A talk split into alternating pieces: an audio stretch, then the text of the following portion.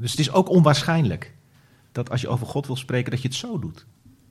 Op een, Ja, de- eh, een, een, Hoe bedoel je? nou, het, het, het is niet de krachtige Rambo Esau. Mhm. Die, die wordt uit het verhaal geschreven zo'n beetje. Het is een beetje die Jacob, die toch ook de boel bedriegt. Mhm. Ehm, ook, ook een nageslacht uit een, uit, een on, on- uit een onvruchtbare vrouw Sarah. Uiteindelijk. Eh, Dus het- de, de weg van de hoop is een onwaarschijnlijke weg, die Mhm. toch doorgaat. Wat is de Bijbel eigenlijk voor een boek? Verzameling eeuwige waarheden waar je in moet geloven? Of een mooi verhaal met een moraal? Een museum van oudheden? Interessant voor de liefhebber, maar verder toch vooral achterhaald? Of kan het nog anders? In deze podcast ga ik in gesprek met theologen die die Bijbel zo gek nog niet vinden. Zij nemen ons mee door een tekst met een frisse, vrolijk, kritische blik en zoomen in op de vraag wat die vreemde tekst nu juist vandaag te zeggen heeft. Mijn naam is Marco Visser, vaste co-host is Rob Itman. Leuk dat je luistert naar de podcast De Nieuwe Bijbelschool. Ja, en vandaag eh, bij ons aan tafel Werner Pietersen. Eh, Werner, welkom. Ja, dankjewel. Le- Leuk dat je deze Bijbelklas met ons wilt doen. Zeker. Eh, we zijn weer bij jou te gast, eh, Rob. Ja, nou eigenlijk één deurtje verder. Ja, we zitten in een soort, soort eh, bezemkast. hè? Ja, we hadden een dubbele boeking, maar gelukkig kun je deze podcastmaterialen gewoon meenemen. Dus eh, we zitten in een voormalige record store, Pinkman. Waarom ook niet? Ja. Nou, leuk hier te zijn. En bovendien gaat het om het, eh, wat het te be- beluisteren valt. Dus dat maakt geen luisteraar wat uit. Eh, Werner, eh, leuk dat je er bent. Ehm, Dank je. Ja. We gaan straks een, eh, een tekst lezen. Eh, een soort kerstverhaal, denk ik. Ehm, of niet. Verpest Ja, Nou, ja, nou, gaat ja, die dat, we gaan het ontdekken. We gaan Ja. het ontdekken. eh, Zou wel eh, hè? vlak voor de kerst Zo is het maar net. passelijk zijn. Ja. Zo is het maar net. Mm. Maar we beginnen toch even zoals altijd eh, bij de vraag hoe is het zo gekomen. Eh, je bent predikant in eh, Haarlem, Haarlem-Noord en Spaarndam, hè, zeg ik het goed? Ja. ja. Ehm, nog niet zo lang, daar ben je net eh, gekomen. Ehm, maar eh, ja, we vragen altijd even naar het in den beginnen. Hoe, ehm, hoe is jouw wordingsgeschiedenis geweest eh, als theoloog en als predikant? Hoe komt het dat jij daar nu zo staat? Om even eenvoudig eh, te vragen. Ja, het, het, het, het risico is altijd dat dat een heel vroom, als een heel vroom verhaal klinkt. Maar ik vertel toch maar zoals het gegaan is. Ja, graag. Ehm, ik heb eigenlijk nog nooit serieus iets anders overwogen dan het predikantschap. Ach, Eigenlijk al vanaf mijn jongste, mijn jongste jeugd of als kind eh, had ik al het gevoel van in de kerk, daar gebeurt iets. Hm. Daar gebeurt iets bijzonders. Daar is iets, iets waar ik bij wil zijn. Hm. Ik ben opgegroeid in Zeeland, in eh, Middelburg. In een nieuwbouwwijk in de jaren 60 eh, zat je een hervormde kerk en er zaten toen nog gewoon 600, 700 mensen in. Elke zondag ging die hele wijk met rode boekjes onder de hand richting eh, kerk. Er was zelfs nog een zondagschool. Maar ik herinner me nog dat ik... Ik wilde nooit eigenlijk naar die zondagschool. Ik wilde op zondag in die kerk zijn. En wat Hey. dat nou was... Wij zaten altijd helemaal achterin. Dus die dominee was een soort stip op de horizon in een zwarte toga. Ehm, terugdenkend en ook hier even over dit gesprek nadenkend dacht ik... maar misschien was het nog wel eerder. Misschien was het wel mijn grootvader... die ehm koster was van de hervormde kerk op een klein dorpje... 60 jaar lang Hm. op Walcheren. En er was toen nog een avonddienst, elke, elke zondag. En de, en de dominee maakte dan een briefje met de liederen. En die liederen moesten worden opgeplakt in, het, in aan de borden naast de preekstoel. En dat mocht ik doen. Oh ja. Van het moment dat ik daarbij kon. Dus ehm, Zo'n beetje vanaf dat je kon lopen. en vanaf dat ik vijf ben ongeveer. Wij gingen daar elke zondag heen naar mijn grootouders. Mijn, eh, mijn grootmoeder was in klededracht om het beeld nog even wat in te kleuren. Ja, ja, ja. En mijn grootvader, we gingen dus om vijf uur door weer en wind elke zondag naar die kerk. En dan klom ik op de preekstoel. Nou ja, dat heb ik denk ik van mijn vijfde tot mijn eh, veertiende gedaan of zo. Dus misschien is het daar begonnen. Mooi zeg. Dus die, die dorpskerk, eh, die, ik kom er nog wel eens. Zo nu en dan op zo'n toeristenzomer is die dan open, weet je wel. En de geur en de... de, de, de- ja, dit, dit, het is een magische plek. En het woord plek zal straks ook in mijn lezing vrij prominent zijn. Hè? Het, is een, het is een plek waar ik zijn wil. Waar iets kan gebeuren eh, wat, ik, wat zich aan het alledaagse onttrekt. Hm. Ehm, ja, nou misschien is dat Dus- een vroom verhaal. Dat weet ik eigenlijk niet. maar Eh, dit- dit- ik heb eigenlijk nooit serieus getwijfeld of ik predikant wilde worden. Ik heb het natuurlijk alleen wel verzwegen in mijn eh, puberjaren. was niet cool. Nee, nee, dan mompelde je iets van, eh, ja, misschien iets met geschiedenis of zo, weet je wel. Terwijl eh, toen was het toch nog eh, de kerken nog wel een stuk voller dan nu. Ja, was het altijd ja, al een ja, beetje ja, zo dit was iemand wel- van... Ja, het is natuurlijk toch een beetje een suffe dodo, die dan theologie en weer dan dominee, weet je wel. En dat, ja, nee, dat, dat was niet echt heel eh, hot, zeg maar. Oh, ja. Hm. En is het uitgekomen? Als ik even een grote sprong mag maken dan. Eh, en dat is, eh, hè, er is, is dus iets magisch in, zeg je. Of het, het, is, het geeft een goed gevoel. eh, en als kind heb je er een beeld van.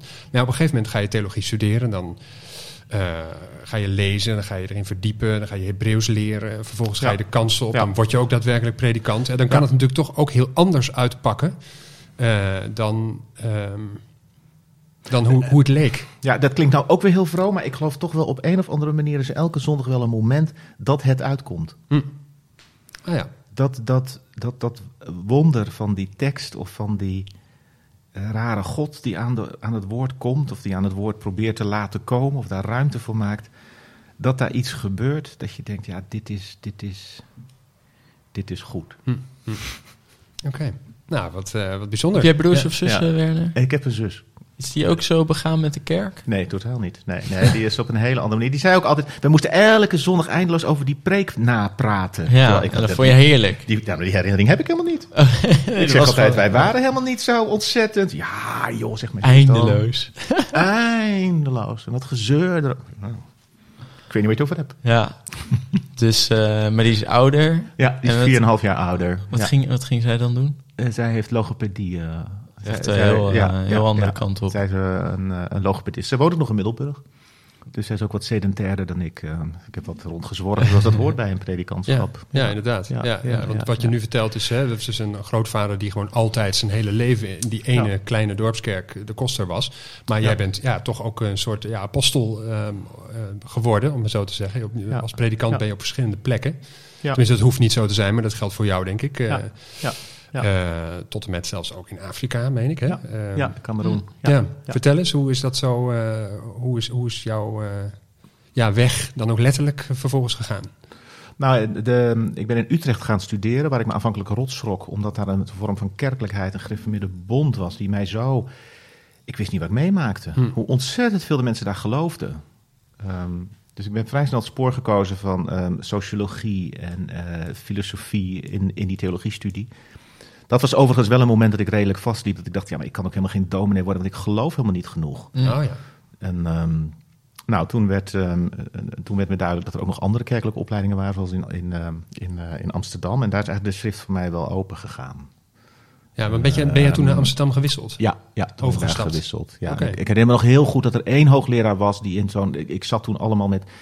En toen, eh, toen, vroeg ik hem iets van: Jeetje, ik moet, moet ik dat nou allemaal geloven? En je merkt er ook zo weinig van en zo. En ik ervaar er helemaal niks van. En, wat.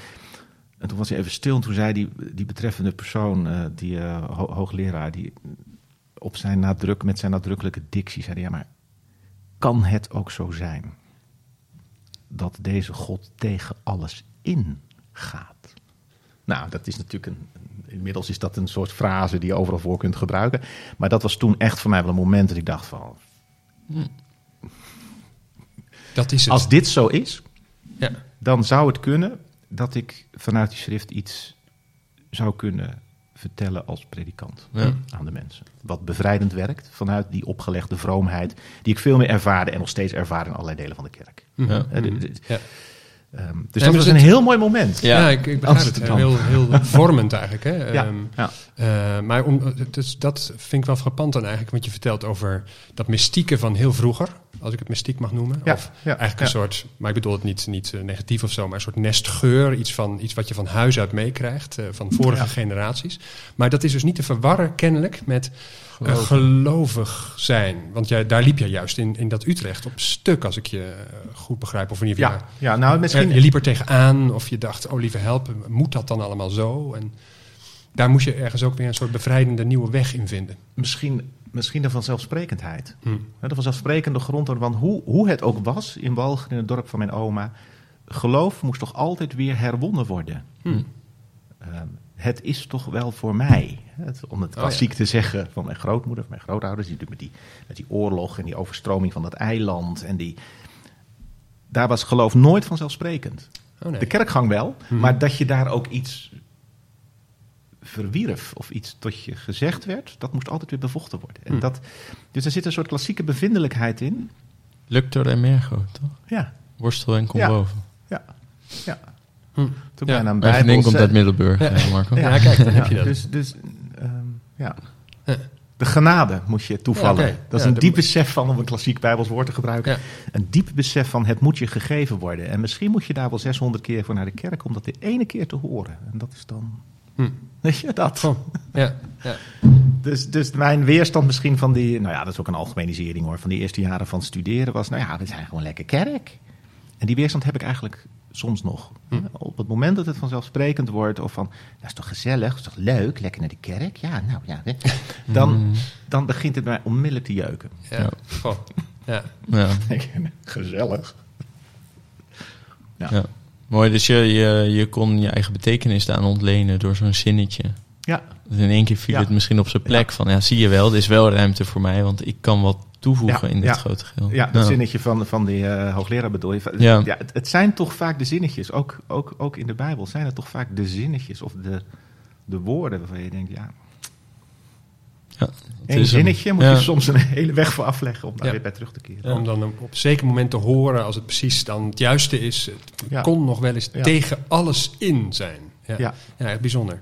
Eh, dus toen toch maar eh, predikant. Eh, waar Ja. en hoe? In Muidenberg, dat was mijn eerste, ik was Oh ja. 27, ik mocht nog 8,5 jaar studeren, heerlijk, heb ik ook ten volle gebruikt. Muidenberg vier jaar en ehm, daar zijn onze eerste twee kinderen ook geboren. We hebben vier jongens, vier zonen. Zo. Ehm, ja, en toen dachten we, we hebben eigenlijk altijd wel de droom gehad om nog naar het buitenland te willen. Ik, ik ben een grote passie voor Oost-Europa. Ik wilde graag naar Oost-Europa. Eh, mijn vrouw was meer op Afrika en daar was toen een plek. Dus dacht, nou, dat gaan we onderzoeken. En dat was prachtig. Dat was in Cameroen. Ehm, en ik vond het, ik, ik, had ook wel toen de ambitie om. eh, Ik dacht, ik weet eigenlijk nog zo weinig van die Bijbel. Ik wil daar meer in onderwijzen, meer in, in leren, meer, meer tijd om, ja, om, om een docent te zijn. Mhm, mhm. En die mogelijkheid werd me toen geboden. Ja. Op een hele andere manier. En ik bedacht dat natuurlijk, want het was ja, totaal andere cultuur en een totaal andere kerk. En, en, en het, dit hele kolonialisme. En dus, dus waanzinnig verrijkend en leerzaam. Mhm. Maar je zegt dus even, je wilde onderwijzen om zelf iets te leren. Als ik je goed hoor. Ja, ja, Ja. ik wilde leren aan die teksten, ook in een totaal andere context. En het Mhm. frappante was, de mooiste, de mooiste uren waren altijd, ze konden Hebreeuws daar ook, als je de Hebreeuwse teksten las. Hm. Hè, dus als het bijvoorbeeld ging over het woordje land, het Hebreeuwse woord land, dan zei ze, ja, maar dat kennen wij ook. In onze traditionele taal is er maar één woord voor wereld, land, plek en aarde. Hm. Ja, zo zou je dat heel goed bijbels kunnen, kunnen duiden. Ja. Dus het land in bijbelse zin is de plek waar jij staat. Nou, dat begrepen, die, die Cameroonese studenten begrepen dat heel goed. Hoef je helemaal niet uit te leggen. Hm. Dus dat gaf hele mooie eh, eh, gesprekken. Ja. Dus juist als je gewoon zo, zo diep mogelijk eh, afdaalt, echt Ja. eh, in, de, Ja. in de kelders van de tekst zelf, dan Ja. kom je juist ook tot elkaar. Terwijl je zei van ja, het is zo'n andere context. En Ja. misschien moet je daar dan heel veel werk van maken om te bedenken, oké, ja, Ja. wie zijn dan die mensen precies? Kunnen we elkaar eigenlijk wel begrijpen? Want we zijn zo verschillend van elkaar, wat natuurlijk ook wel waar is. Ja. Maar je- tegelijkertijd, als je dan gewoon gaat lezen, dan Ja. gebeurt er iets. Ja, we hebben met, met, met, met een groepje hebben het Bijbelboekje Rut, eh, Rut, Rut, eh, Rutte. Rut vertaald. Rutte 4. dus heel veel, heel veel te zeggen. Dus daarom hebben het Bijbelboekje Rut vertaald. En ehm, nou, het werd al heel snel duidelijk van dat hele honger is bekend. Hm. Vluchten is bekend. Gewoon levenservaring. Ehm, terugkeer. Oogst. En dan een vrouw die alleen haar lijf nog heeft. En dan toch het nageslacht dat geboren wordt. Dus al die grote thema's uit het Bijbelboekje Rut, die vonden gewoon plaats in die dorpen. Ja. Veel meer dan in een nieuwbouwwijk in Amstelveen. Ja. Waar het ook wel plaatsvindt, maar dat vraagt veel meer hertaling. Dus we waren met, in, ja, in, in- met dat Bijbelboekje Rut, waren we heel snel waar je eigenlijk wil zijn. Ja. En in die zin leerden die studenten mij dus ook heel veel. Ik Ja. ga nou eens terug naar die eenvoud van die tekst. Ja. Die is veel fysieker en veel dagelijkser dan dat wij vaak denken. Mhm. Ja. En dat was heel verrijkend, dat was heel gaaf. Dat wij misschien nu ergens ook soms dan denken van ja, oei, die tekst die staat zo ver van ons af. We moeten allemaal Precies. toeren uithalen Ja. om die teksten Ja. naar, Ja. ons, eh, Ja. eh, naar onze leefwereld te vertalen. Ehm, En er zit zoveel geweld in, weet je wel, in die Bijbel. Zo. Oei, oei, Voor oei. heel veel mensen is die, dat geweld gewoon echt een dagelijkse fysieke werkelijkheid. Ja. Angstaanjagend dichtbij. Dus wij in onze burgerlijke leventjes, ook dat van mijzelf, staan eigenlijk veel verder van die teksten. Ja, dus moeilijk om je in te verplaatsen. Ja, Ja, ja. dus moet het ook goed uitgelegd worden. hè? Ja, nee, zeker. Het moet goed uitgelegd worden. En ook dus met gebruik van die stemmen, denk ik. Ja. Hm. En wat voor scho- soort school moet dat voor me zien? Was dat dan? Jij was als docent dan op een... Ja, het was een, eh, het was een, eh, een eh, seminarie. Dus het was eigenlijk een klassieke koloniale compound van de Presbyterian Church in Cameroon. En ehm, Kerk in Actie had daar een, had daar een link mee. Ehm, al een docent of vier uit mijn hoofd. Wij waren de laatste. En eh, je werd ingehuurd voor dogmatiek en uiteindelijk gaf je alle vakken.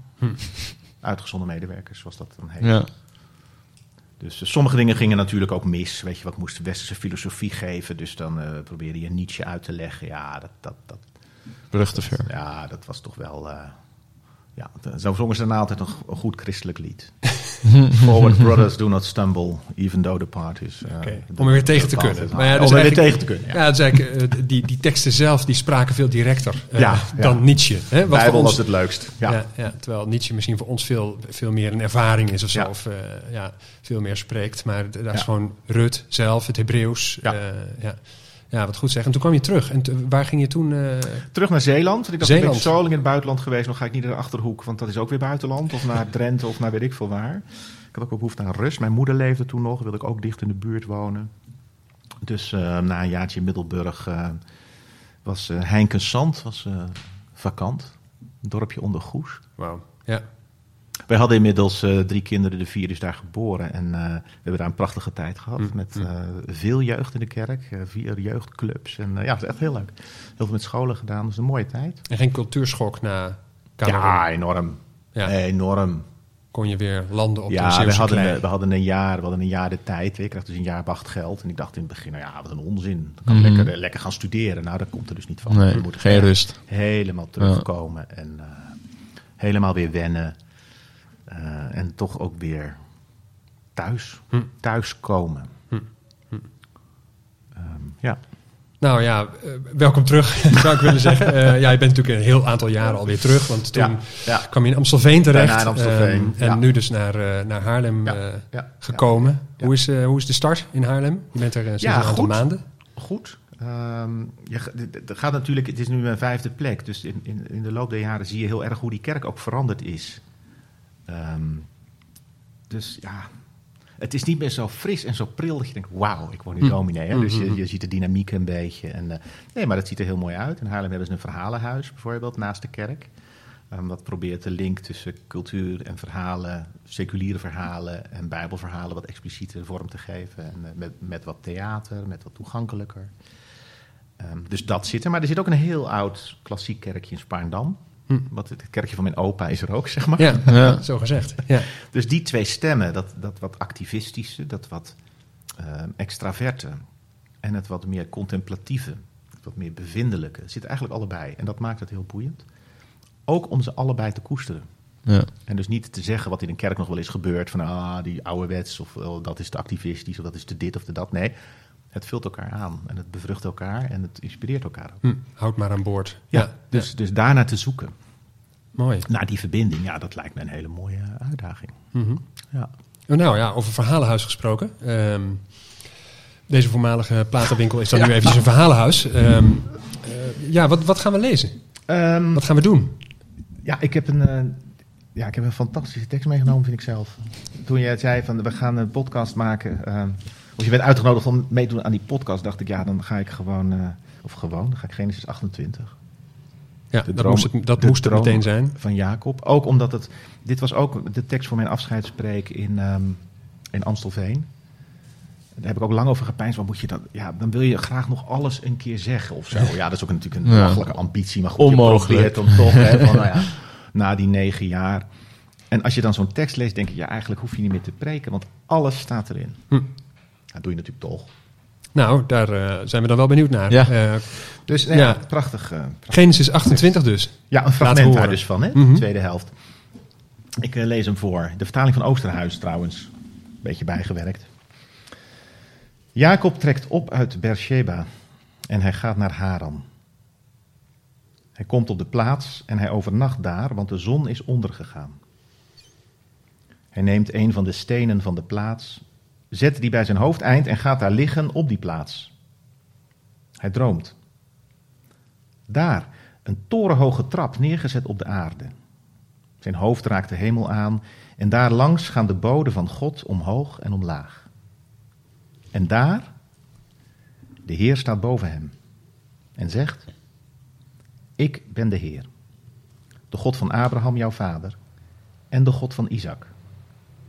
Het land waar je op ligt zal ik geven aan jou en je nageslacht. Als het stof van de aarde zal jouw nageslacht worden. Naar het westen en naar het oosten zul je uitbreken, naar het noorden en het zuiden. In jou en in jouw nageslacht worden gezegend alle familiegeslachten van de aarde. En zie, ik ben met jou. Ik zal je behoeden overal waar je gaat. En ik zal je doen terugkeren naar dit stuk grond van de aarde. Nee, ik verlaat je niet totdat ik heb gedaan wat ik tot jou gesproken en gezegd heb. Jacob ontwaakt uit zijn slaap en zegt: Zeker, de Heer is hier op deze plaats. En ik, ik wist het niet. Hij huivert en zegt: Huiveringwekkend is deze plaats. Dit is een huis van God, niets anders. En dit is de poort van de hemel. Jacob staat op, vroeg in de morgen. Hij neemt de steen die hij aan zijn hoofdeinde had neergezet, zet die als gedenksteen neer en giet olie daaroverheen. Hij roept de naam van die plaats Bethel, huis van God. Eertijds luidde de naam van die stad Loes, amandelboom.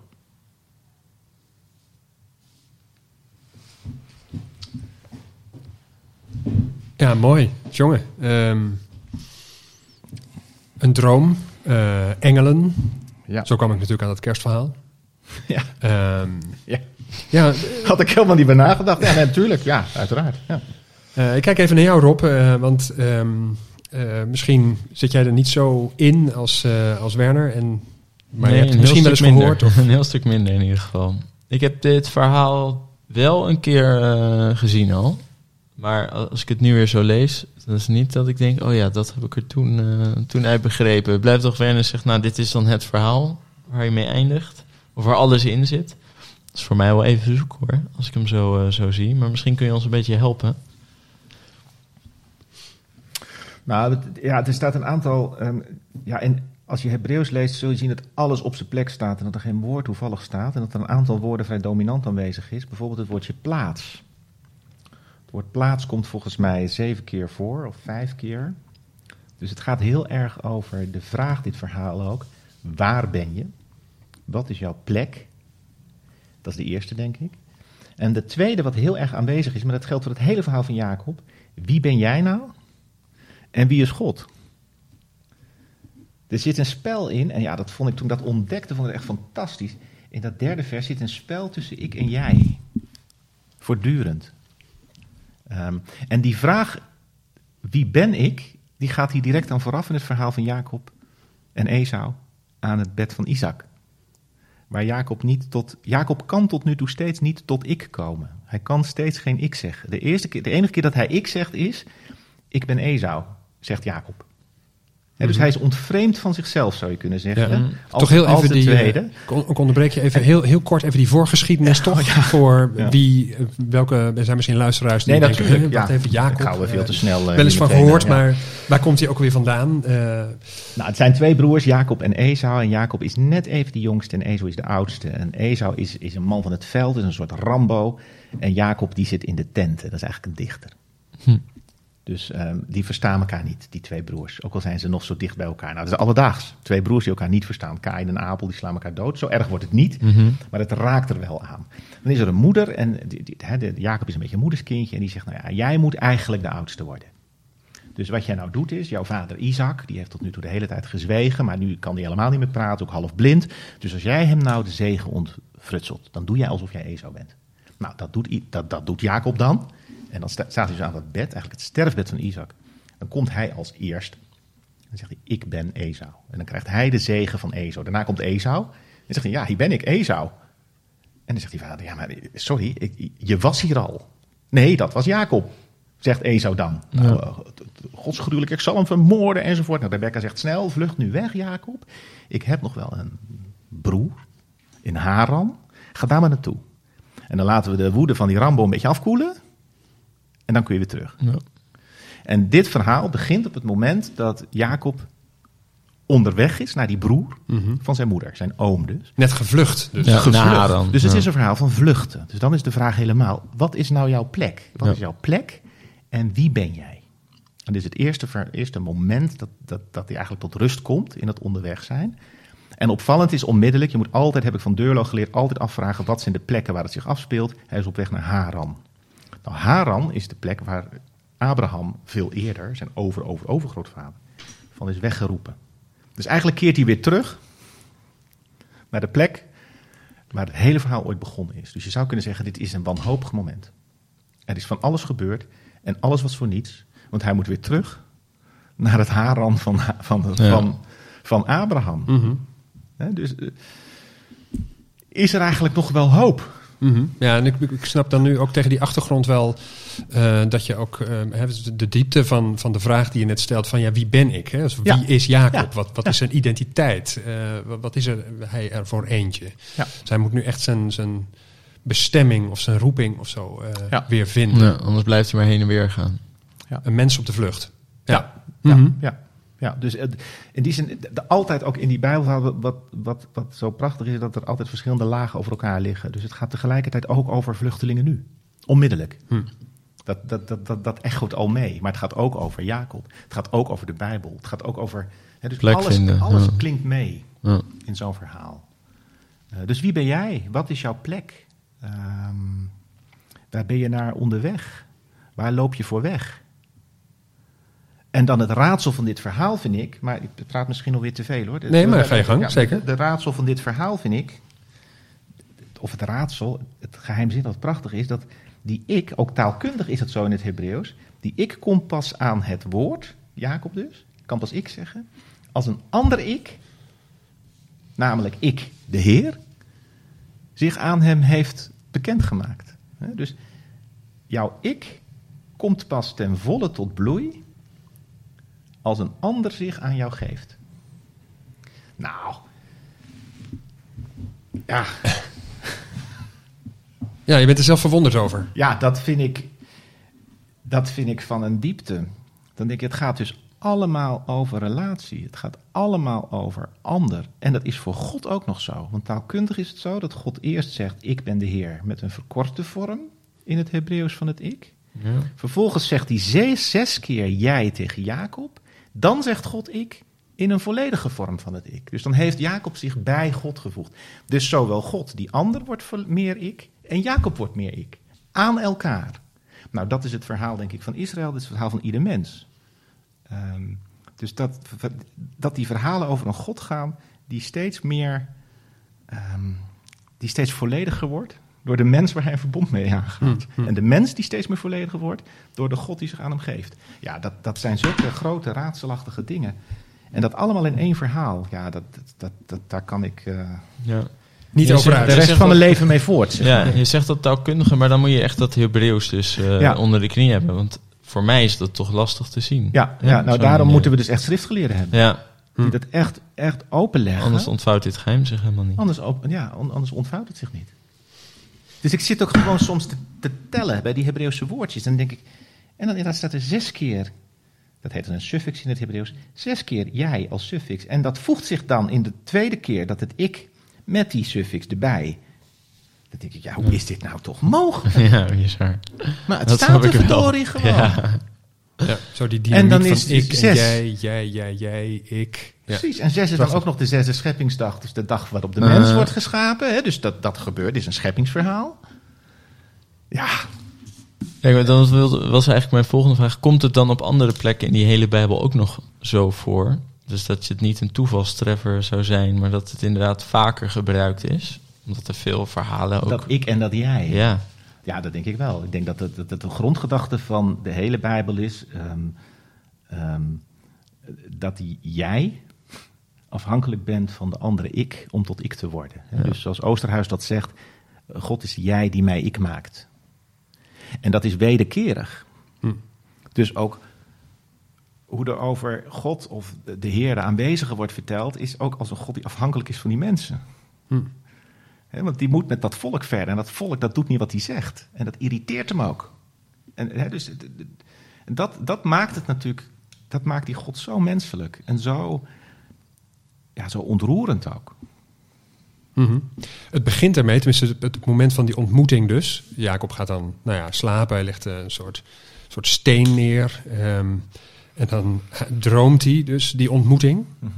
Ehm, maar dan staat er daar, de Heer staat boven hem.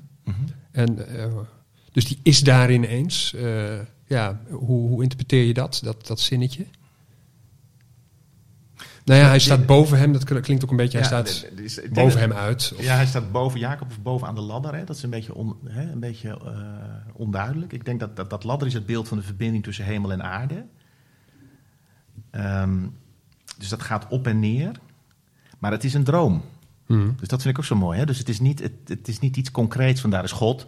Dat is een beeld of zo, daar kun je naartoe. Nee, Ja. dat is dus een soort droom. En dat Jacob aan het slot ook zegt achteraf...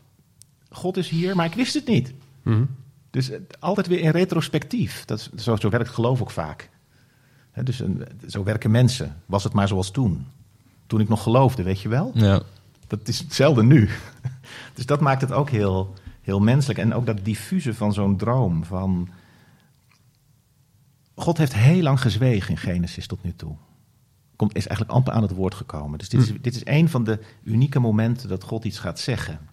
Maar dan gebeurt het op deze manier, als een droom. En hoe doet hij dat? Ja, dat vind ik dan ook weer. Ik ben de Heer, de God van Abraham, jouw vader. En de God van Isaac. Terwijl Isaac eigenlijk zijn vader Terwijl is. Isaac hè? eigenlijk zijn vader De, de zegen heeft ontstolen. Ja. Ja. Ja, ja. En het land, dus de plek weer, ik zal het geven aan jou en je nageslacht. Nou, dat is de oude belofte. Ja. Dus het is een en al belofte ook. En dan die prachtige woorden, ik zal je behoeden overal waar je gaat. Ja, dat zijn tijdloze woorden. Hè? Dat er een ander is die jou op het oog heeft. Ja, dat is natuurlijk het diepste verlangen van mensen. Mhm. Ehm, en zo over God te kunnen spreken. En ik zal je doen terugkeren naar dit stukje grond van de aarde. Ik verlaat je niet. Ja, dat wordt dus gezegd tegen iemand op de vlucht. Hè? Inderdaad, eh, dat, eh, Ja. dat treft me wel. Van, dat is, eh, het is een, een mens onderweg, een mens Ja. ontheemd. ehm, eh, en daarvoor is een belofte. Ja. Dus niet zozeer voor de thuisblijvers, eh, zo gezegd, maar voor de mensen die ehm, op drift zijn of zo. Ja. Ja. Ja. ja. Dus het is ook onwaarschijnlijk dat als je over God wil spreken, dat je het zo doet. Op een, Ja, de- eh, een, een, Hoe bedoel je? nou, het, het, het is niet de krachtige Rambo Esau. Mhm. Die, die wordt uit verhaal geschreven zo'n beetje. Het is een beetje die Jacob, die toch ook de boel bedriegt. Mhm. Ehm, ook, ook een nageslacht uit een, uit, een on, on- uit een onvruchtbare vrouw Sarah. Uiteindelijk. Eh, Dus de, de weg van de hoop is een onwaarschijnlijke weg, die Mhm. toch doorgaat. Ja, het speelt zich echt in de marge af of zo. Ja. Of in, de, Ja. in, in een soort Ja. niche of ergens waar je het totaal niet verwacht. Of waar het eigenlijk helemaal niet kan of, eh, of zo. Hè?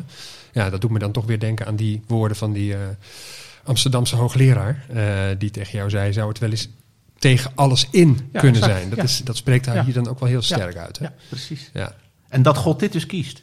Mhm. Dat moest ik eh, de afgelopen zondag met de Adventspreek ook aan denken. Hè? Dat, dat verhaal van Maria en die engel. Dat, dat, dat, dat God dus dit spoor kiest. Volkomen onwaarschijnlijk. En van een meisje dat is uitgehuwelijkt. En, raar. Mhm. ja, ja. Dat is hier ook. Tegen alles in. Ja, Tegen alles ja, in. inderdaad. Ja, ja, ja, ja. Ehm, ja. Maar het is, en het is ook eh, kennelijk huiveringwekkend. Ja. Eh, dus de conclusie van, van Jacob aan het eind van het verhaal is ook van inderdaad iets van eh, niet een soort eh, kat in bakkie of zo. Nee. Of oh ja, natuurlijk, ik heb gedroomd dat de Heer met mij is, ehm, enzovoort. Het, het blijft ergens ook een, eh, niet alleen diffuus en onwaarschijnlijk, maar ergens ook een soort, ja, hoe, hoe interpreteer je dat huiveringwekkend? Of dat, eh, Nou, het is absoluut. staat daar precies voor een woord? Het, het is angstaanjagend als God zich laat zien, denk ik. Hè? Het is ook, het, ook, een, ook wel een spoor in het Oude Testament dat je God niet kunt zien van aangezicht tot aangezicht. Hij is de Mhm. onzienbare, Mhm. de onbenoembare ook. Dus het heeft te maken met raadsel en met Zoals Willem-Jan Otte dat zegt in zijn boek. Hè, eh, waarom komt u mij hinderen? Ja. Want het vanzelfsprekende, gewone leven. Ezo heeft het misschien wel veel makkelijker. En er is ook niks mis met Ezo, hè? Mhm. Maar dat is niet de weg van Jacob. Dat is de weg van de dichter en de ingewikkelde weg. En de. Nou ja. Mhm. ehm, Ja. En dat heeft ook te maken met de vrees en met huiveringwekkend. En met, het is ook de weg van het volk Israël. Ehm, ik hou, als ik nog één zijpad, ik hou heel erg van, ehm, van Oost-Europa. En daar heb ik afgelopen mei een reis, een treinreis gemaakt in Roemenië, in Oost-Roemenië. Waar een hele grote Joodse gemeenschap was. Hè? In Noordoost-Roemenië, Ja. Suceava, Buzau. Er staan nog allemaal synagoges. Zijn vervallen. Nou ja, die, staan daar maar. ja. Net zoals Gruwelijke in geschiedenis. Oekraïne ook, hè? Ja, trouwens, eh, in Oekraïne ook. En ik moest ergens overstappen. Die treinen die functioneren allemaal helemaal niet meer. Ik moet drie uur wachten. Ik dacht, nou, ik ga hier op zoek in Buzau. Een of ander stadje ik nooit was geweest. Een oude synagoge. Nou goed, die was ergens achteraf in de straat. Een enorm gebouw. Nou, mensen zijn daar natuurlijk die geschiedenis van het Joodse volk grotendeels geëmigreerd naar Palestina, maar ook vervolgd. Er waren kampen. Nou, die hele geschiedenis, afschuwelijk. Boven de deur stonden Hebreeuwse letters. Hè, zo twee van die, van die eh, nou, ik dacht dat zijn vast de tien geboden. Niet goed gekeken, wel gefotografeerd. Nou, ik kwam thuis. Ik dacht, ga toch eens even kijken wat daar nou precies stond. Hm. Dus ik heb dat gegoogeld. Dus wat stond er toen? Vers 17. Huiveringwekkend is deze plaats. Dit is een huis van God, niets anders. Dit is de poort van de hemel. Hm. Toen Ja. dacht ik, als dat zo is, als dit dus die plek is, dan is dat dus niet de plek met de, ehm, de hallen vol eh, lofprijzende christenen. Dan is dat dus de, de plek van het lege graf. Dat is dus de plek. Want dat, die synagoge is als een leeg graf, zou je zeggen. Mhm, mhm. En dan, dan komt een of andere dominee die toevallig moet, Mhm. moet, moet overstappen. Maakt er zo een foto van en die, Die gaat gewoon door. Weet je wel. Zo Ja. klein is het dus. Nou, dan vertel ik dat jullie en dan luisteren een paar mensen mee. En ik zeg, dat heeft dus iets huiveringwekkends. Dat het zo klein is, maar ook zo krachtig. Ja, dat, Ja, ja, ja, dat, dat. Vind ik onder, ja, dat, dat vind ik van een kracht die, ja, die is onvoorstelbaar. Ja, het is echt indrukwekkend. Ja. En Ja, dat het dus toch doorgaat. Dus Mhm. alles is daar weg. En eh, toch is die tekst daar, als, al- als dat dus zo is, als dat dus de poort is naar de hemel, dan moeten wij nogal wel een beetje gaan omdenken. Met onze Mhm. vrome ideeën en onze godsgeloof en ons Onze vanzelfsprekendheden. hè, waar straks ook over had. En, Ja. en, en, en jeetje, en dat, dat leert ook bescheidenheid. Mhm. ja, want het kan dus zomaar ergens zijn waar alles stuk is en alles verloren Precies. is en alles eh, Precies. kapot en, Precies. En, en eh, geschiedenis. Ja, Ja. jongen. Mhm. Nou, dat is ook inderdaad huiveringwekkend tegelijk Ja. ook. Hè? Dus je kunt dat ook weer mooi maken. Hè? Van ja, waar alles verloren is, daar gaat toch iets door of zo. Nou ja, dat kun je dan. Mhm. Ik hoor het mezelf zeggen. Eh, dat kan ook te mooi zijn. Dus van, vandaar dat ik dan toch eigenlijk dat, dat woordje huiveringwekkend wel heel Ja. eh, op zijn plaats vind eigenlijk. Dat, dat, is dat sterk. Hè? Je kunt dat Ja. ook niet mooi praten of zo. Nee. Terwijl het, is een ja. mooi verhaal. Het is ook wel. mooi, maar het is ook, ook soms eh, het is literair zo interessant. En zo denk ik, nee, dat niet. Hè. Dat wordt ook Mhm, snel mhm. romantiek of Mhm. snel. Het is ook huiveringwekkend, inderdaad. Ja, ja dus veel meer is dat een spoor, denk ik, ook als het, als het over die plek gaat van in het Oude en Nieuwe Testament. Is het, het, het spoor is veel meer, er is niets. Steeds weer schepping opnieuw. Er is niets en tegen alles inklinkt één stem of één woord of één moment. In plaats van het is er allemaal, dat Ja. geloof. Er is niks. Steeds weer opnieuw beginnen bij de leegte en bij het onderweg zijn, bij het gevlucht. En denken, eigenlijk geloof ik niks. En ben ik hier gevlucht voor de sterkere krachten, voor Esau. En ik stel niks voor en ik heb geen toekomst. En dan zou het zich voor kunnen laten doen, in een droom. Ja, zo diffuus en ongrijpbaar en, en, en raadselachtig. En huiveringwekkend. En wat is dit dan en hoezo dan? Eh, Nou ja, Maar die gedenksteen is dan toch om, eh, om dat moment of die plek Ja, te markeren. Exact, exact. En die steen, dat wil je natuurlijk dan koesteren. En dan zet je een steen en denk je, nou wie weet, als ik daar nou bij terugkeer, dan kan ik in ieder geval terugdenken aan dat moment dat het er was. Ja. Mhm. En dan gaan we daar naartoe en dan gaan we daar vieren. En altijd is vieren weer het hopen dat zoiets zou kunnen gebeuren. Dat je even wordt opgetild. Daarom staat die steen daar, denk ik. Ja. Die, ja. ja. En, en die plek, dat is dan misschien wel, wie weet, een kerk op zondag of een Misschien. misschien. Eh, drie mensen Misschien. rond een tafel met een podcast. Of het is, of het is die, Ja. die, die deur van die synagoge die vervallen is. Van vader op zoon, hè? of tenminste van moeder op dochter kan ook. Maar het, het, het Hebreeuwse woord steen is vader en zoon. Mm. Zit, in, zit is een samenvoegsel en samengevoegd is dat in het Hebreeuws het woord steen. Dus het is ook een, Sure. het is een voortdurende doorgeven Ja. Van dit verhaal. Hm. Omwille van de mensen die komen. En die olie die er overheen moet? Ja, dat is de heiliging, denk ik. Hè? Denk Ja, je niet? is een eh, soort doop of zo. Ja, ik, ik denk het. Een en- soort doop. Ja, ja dat is wel een goede Kijk, het is- associatie eigenlijk. Het is natuurlijk ook een, een ritueel. Het is gewoon Ja. een, ja, om iets apart te zetten en heilig te maken. Zo'n Ja. mini, mini, mini liturgietje. Ja, een klein liturgie doet hij. Ja. Ja, weet je, je, je gaat geen avond avondmaal, ja het kan wel, avondmaal vieren met dit glas. Nee, dat, dat moet anders. Dus dan, Moet een dan- suikerrandje dan maak je op. een heel bijzonder glas maak je dan. Daar doe je dan avondmaal. Of, of Ja. deze steen, of deze plek. Ehm, ja, dus ik denk dat dat daar gebeurt. Ja. Wat op een hele andere manier nu ook weer... Waarom hebben wij een MH17-monument? Waarom hebben we dit monument, dat monument? Om bij terug te keren, terug te denken. Ja, te denken plekken. Dit is plekken maken. Ja. Ehm, Kennelijk hebben wij mensen ook ergens gewoon plaatsen nodig in Ja. de wereld waar je Ja. toch even Ja. stilstaat bij iets. Ja. Ehm, ja. daarom moeten we die kerken ook echt, koets, eh, echt koesteren. Als, als... Ja.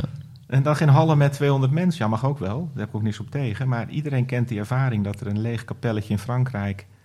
Dit is een plek waar, zoals het lied van Sietse de Vries... nog de wolk van gebeden hangt die ons zijn voorgegaan. Dus dit, deze, dit is een heilige plek op een of andere manier. Ja. Nou, dat, dat zie je hier in dit verhaal denk ik ook gebeuren. Dus die plek verandert. Het was een, de, de, ja, dat wilde ik ook nog plek vragen. waar, Ja. waar hij gevlucht is, wordt nu de plek eh, waar hij, iets, waar hij gevonden is, eigenlijk, hè, moet je zeggen. En is het nog in die luus, amandelboom? Dat, dat verandert hij dan in, eh, in? Ja, het is een huis van God. Ik vind het wel grappig, die amandelboom. Ja, ik weet niet, soms die domineetjes, er leggen ook allerlei verbanden die er misschien helemaal niet zijn. Maar de, profeet, eh, de profetie van Jeremia begint met een, met een amandelboom. Hè? Een amandelbloesem die, eh, als een beeld van hoop. Een amandelbloesem die weer gaat bloeien. Een soort vroegbloeier die Ja. eh, iets aankondigt. Ja. Die iets aankomt. Ja, wie weet advents, eh, Hier ook mee, eh, mee klinkt. Ja. Ja, Ja, ja. Ja, lieve help. En, en wie weet is eh, nu, zoals gezegd, deze tafel hier zomaar in deze kamer midden in Rotterdam eh, ook wel even zo'n plek geworden. Ehm, zeg zeer bedankt. Ja, er is nog. Ja, ja nee, zeker. Ja. Te zeggen over zo'n Ik tekst. wou zeggen, ik ben nog lang niet Geloof klaar. ik, ja.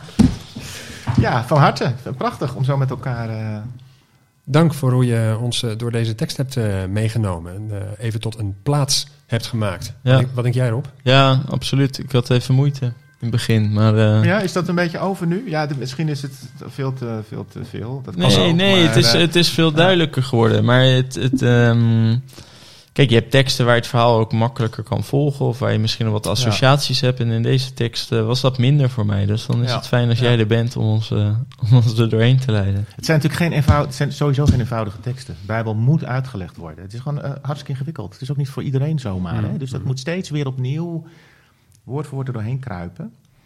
Ehm, maar prachtig dat dat Ja. kan. Ja, Zo is maar net. goed Dank gelukt. dat je dat eh, met ons en voor Ja. ons eh, hebt gedaan. Ja, Wie weet tot de volgende keer. graag. Thank you.